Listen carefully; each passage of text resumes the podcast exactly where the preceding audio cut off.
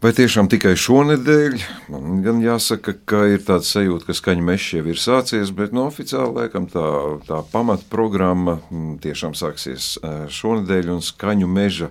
Visvairāk zinošākais cilvēks cauri gadiem šodien mums arī studijā - Rihards Enriksons. Labrīt, labdien! Labrīt, liels paldies, ka uzaicinājāt, kā jau katru gadu.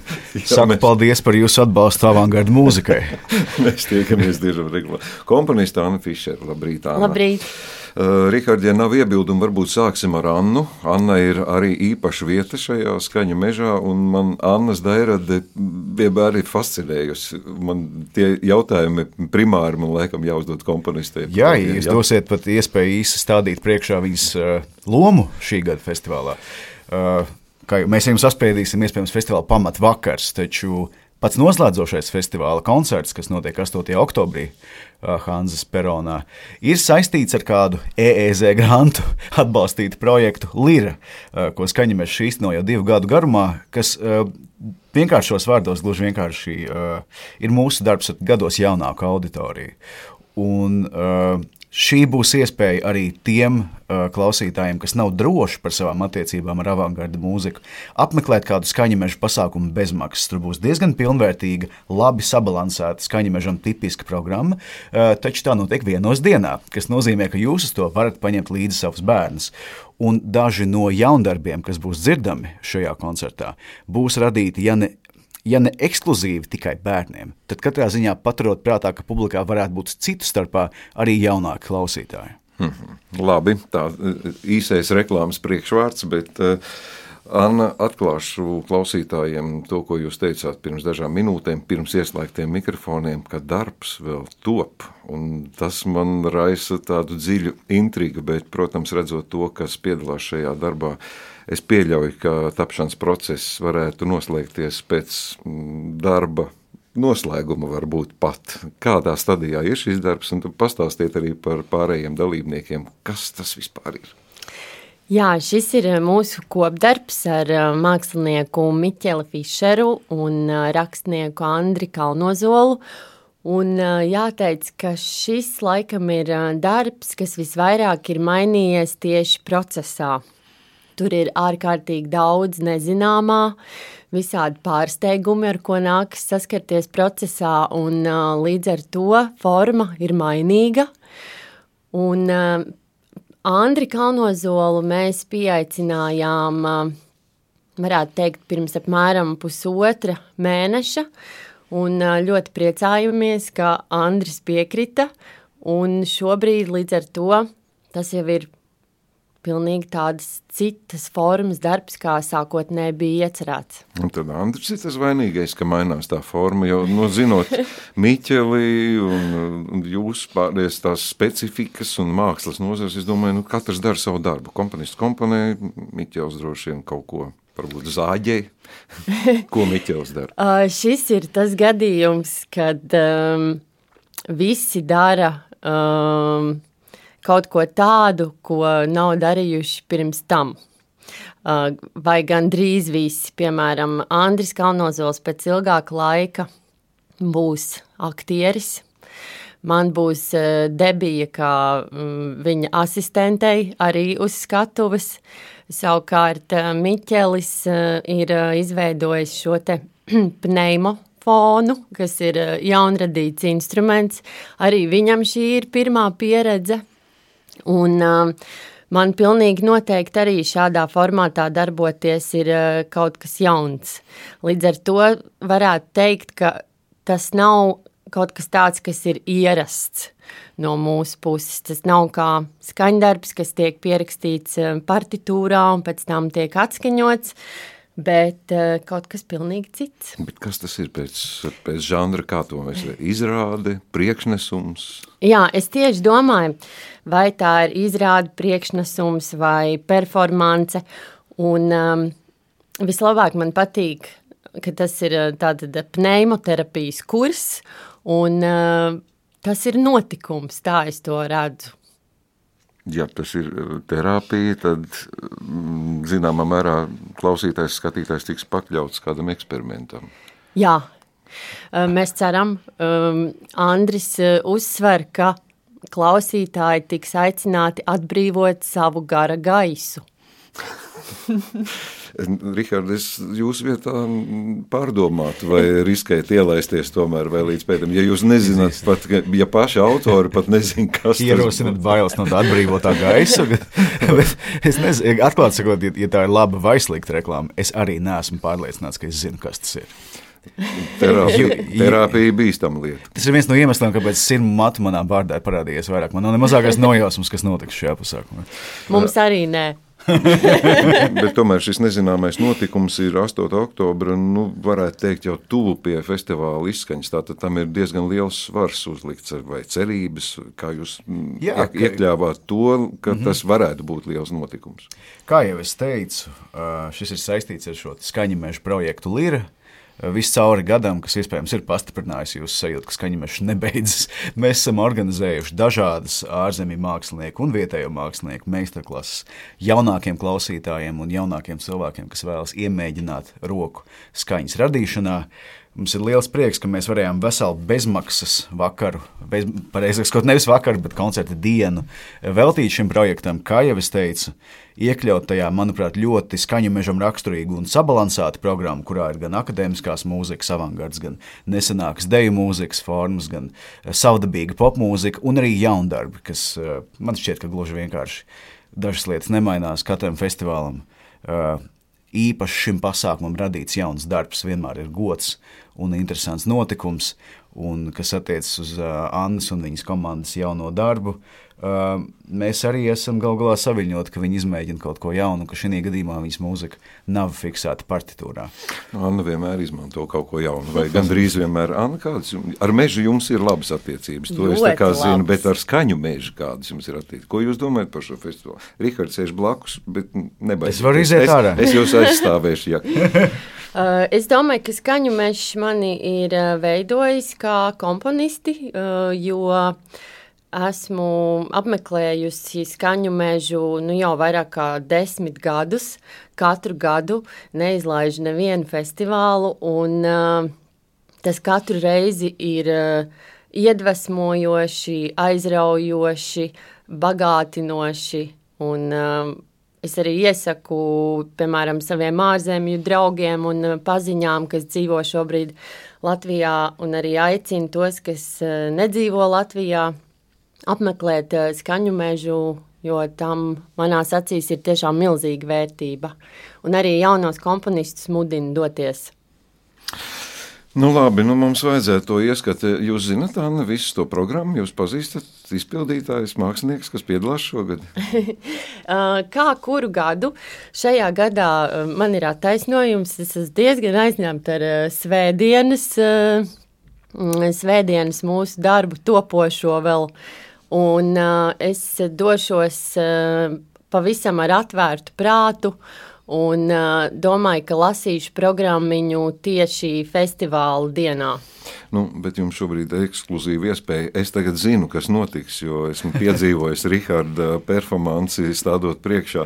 Nu, dažus mēs visus, protams, nevaram ne, nepieteikt. Rahāda, tad man jālūdz jūs, nu, tie akcenti, uz ko jūs liekat. Jā, jā paldies. Pirmkārt, es esmu mazliet slims, tāpēc es atvainojos, ja šņāts un šņākuļo, kā mirstošs goblins. Bet... Es centīšos jums piedāvāt pēdējo, kas ir palicis pāri no manām spējām.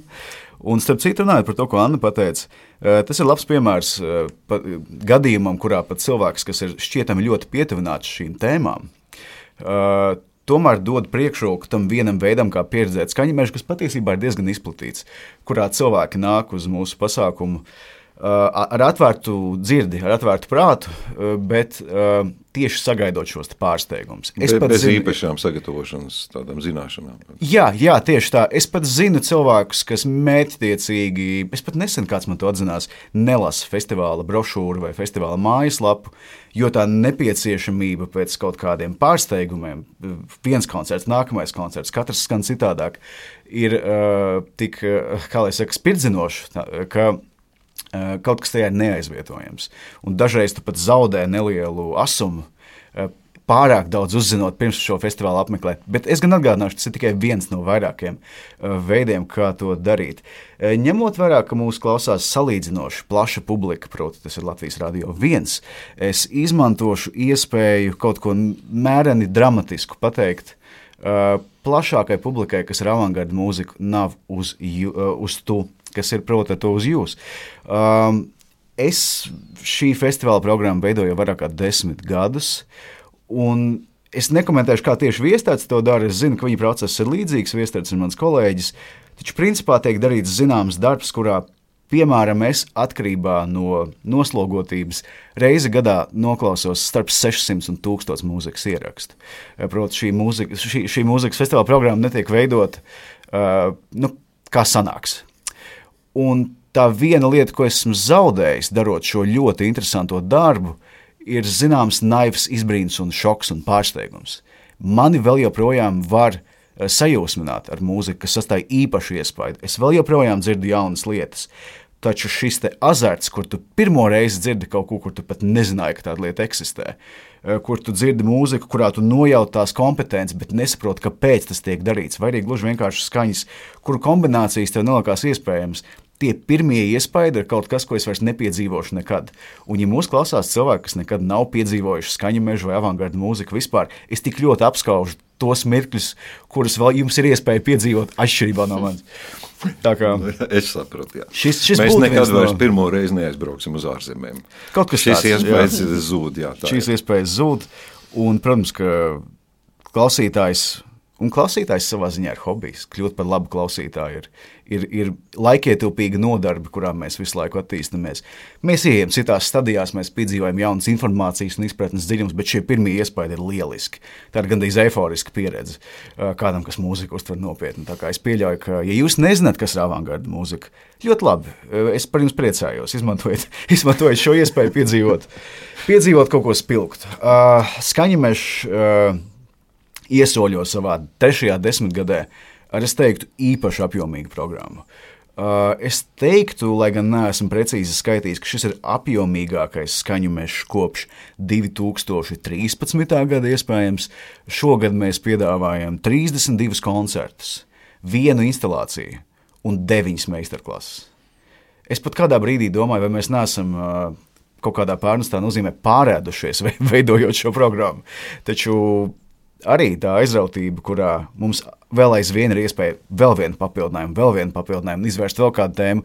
Tas ir tāds atkarību rosinošs eh, process, un, un strādāt pie tā ir bijis liels prieks. Eh, pagājušo gadu, svinot savu uh, eh, 20 gadu jubileju, mēs piedzīvojām, ka mūsu sfēras nozīmīgākais uh, žurnāls The Wire magazine mūs nodēvēja par īpaši ambicioziem un par lielāko avangardu mūzikas festivālu Baltijā.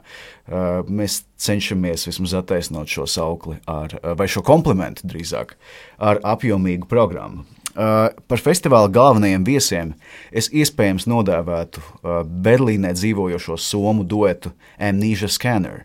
Uh, tajā strādā divi komponisti un arhitekti. Viens no tiem dēvē sevi arī par kultūras kritiķi. Uh, taču arī mākslīgais intelekts ar pseidonīmu Oracle. Un šajā ziņā to iespējams ir jādēvē vairāk par trijotni eh, nekā par duetu. Eh, projekts stādīs Rīgā priekšā uzlabotu versiju priekšnesumam, ko sniedza uh, Eiropā, iespējams, pat pasaulē lielākajā multimediju mākslas festivālā Transmediāla šogad gada sākumā kur tas bija lielais noslēdzošais notikums. Viņi ir pazīstami ar diezgan pārņemošiem un, kā kritiķi saka, pārblīvētiem audiovizuāliem šoviem. Uh, ja jūs meklējat tādu multisensoru pieredzi skaņu mežā, es teiktu, ka šis, šis ir tas viens uh, koncerts, ko noteikti 7. oktobrī būtu nepieciešams uh, apmeklēt, kas attiecas uz viņu mūziku. Tajā ir kaut kas, ko es gan izbaudu, gan uzlūkoju ar skepsi. Viņi iezīmē zināmu, uh, saudabīgu īpašību mūsdienu mūzikā, kurā vienu brīdi tu klausies kaut ko šķietami īpaši modernu, tādu šķidru kā litija baterijas, viskozu, modernu, postvisa elektroniku, un jau nākamajā brīdī uh, no skaļruņiem skan pārsteidzoši frivolas popkultūras references, kā piemēram kaut kādi absurdi sakausējumi starp Prodigy un Kristīnu Aguilera.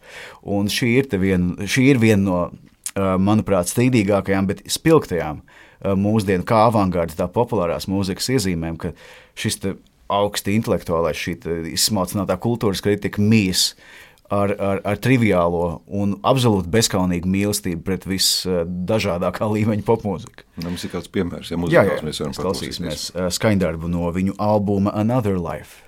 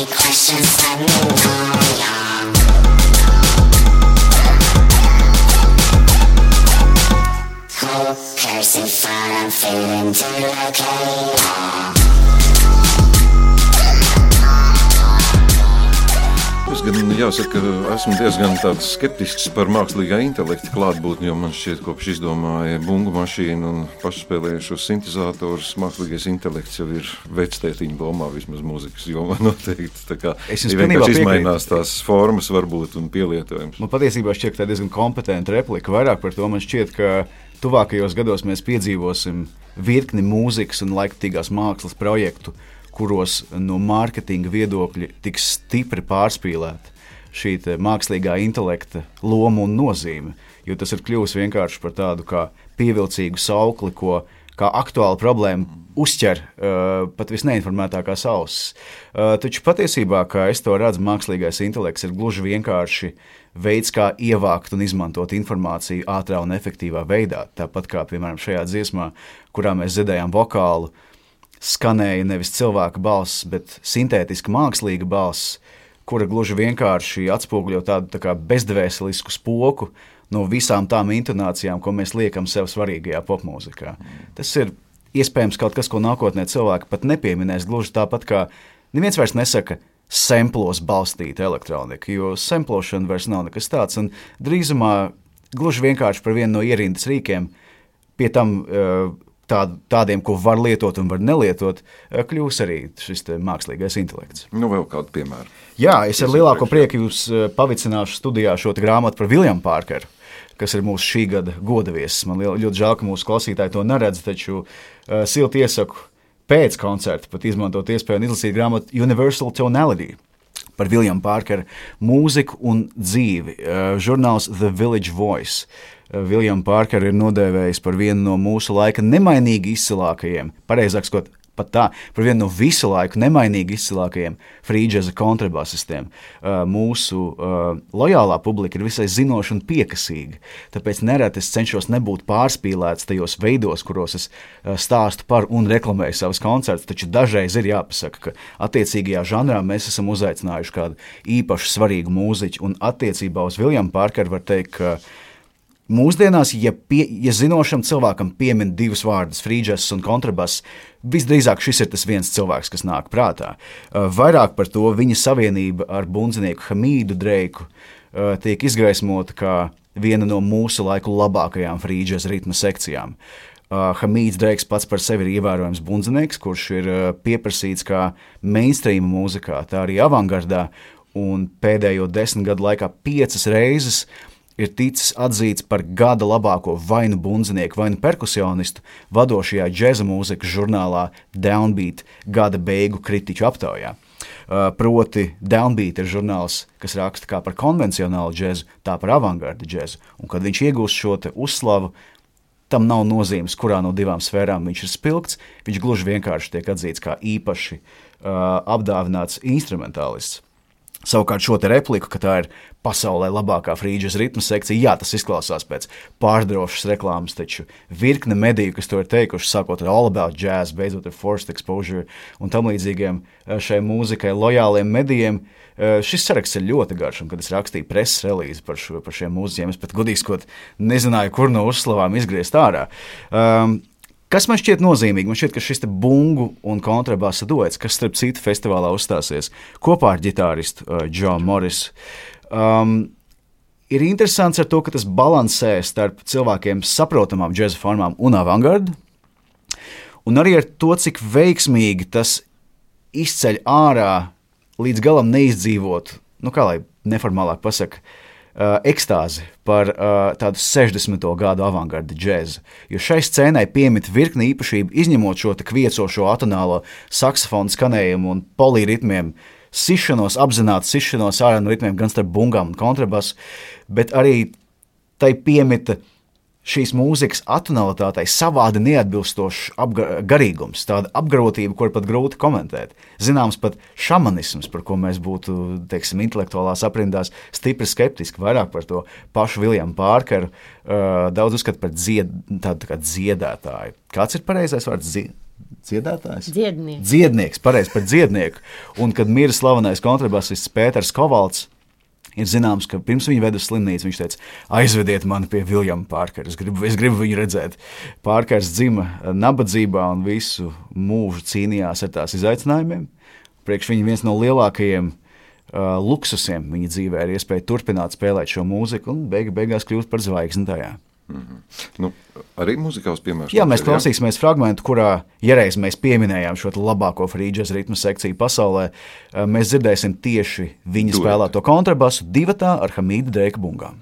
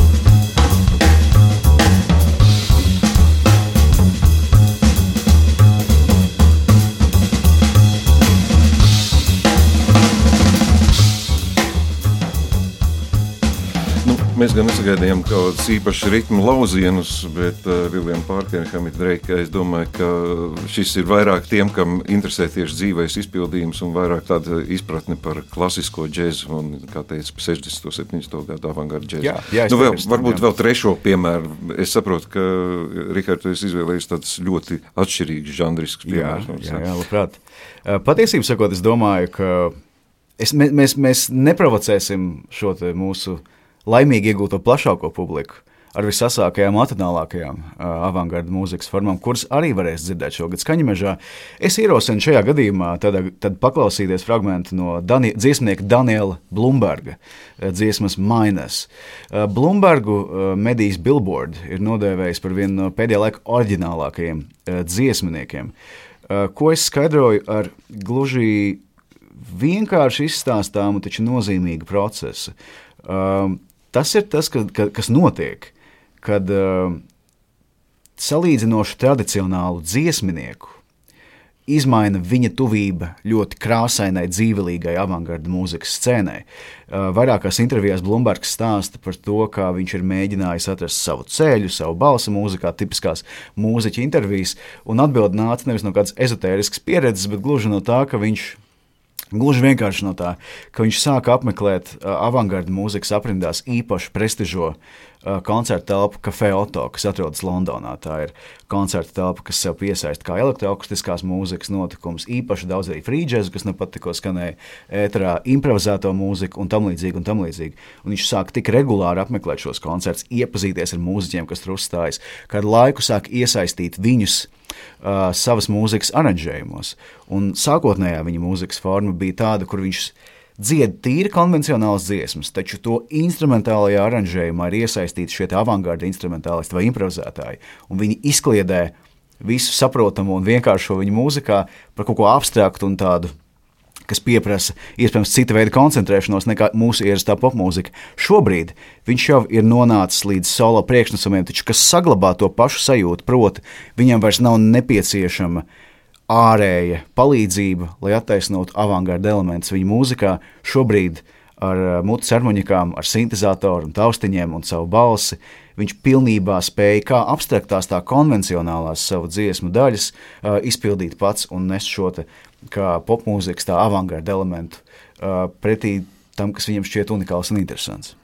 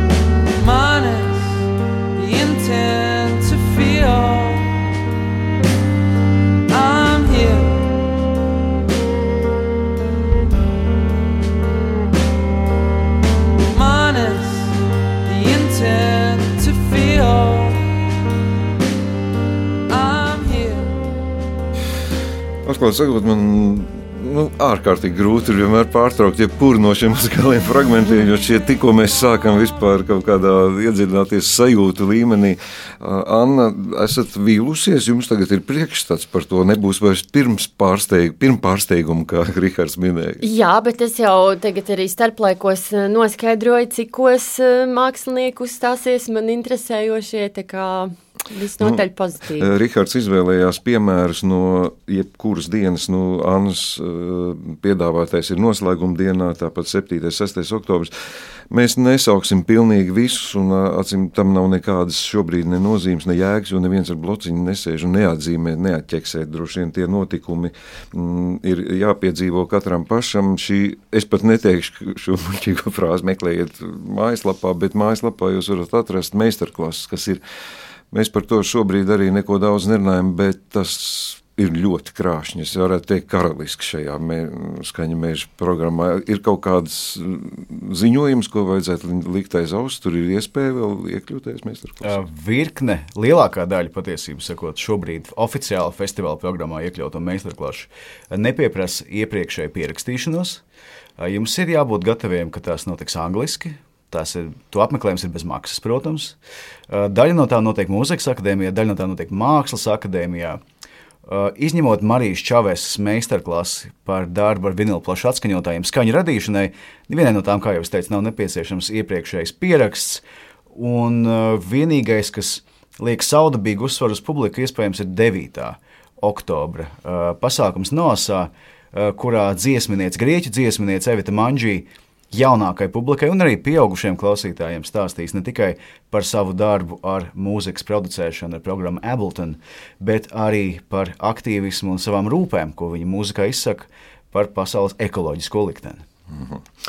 Man jāsaka jums abiem paldies par uh, viesošanos, un nu, runas ir īsas vai garas, un darbs ir īss. Tas bija tas teiciens. Uh, Rihards, mēs noslēdzām ar mūziku Japāna. Jā, mēs, sāks, mēs klausīsimies uh, uh, Few, jeb Hiromi Moritami, ko medijas Pitchfork nosauc par Japāņu underground leģendu. Iedomājieties tādu kā baušķinieku, uh, tikai tādu, kas izvēlas uh, nekad vairs neskatīties uz jau iepriekš uzrakstīto mūziku un apzināti katrā ierakstā līdz pat pārspīlējumam izklausīties pilnīgi, pilnīgi citādāk. Saku paldies komponistai Annai Fišerei, Rihardam Endriksonam, turpinot apbrīnot gan interesi, gan zināšanas. Paldies jums abiem! Paldies! paldies. Yeah.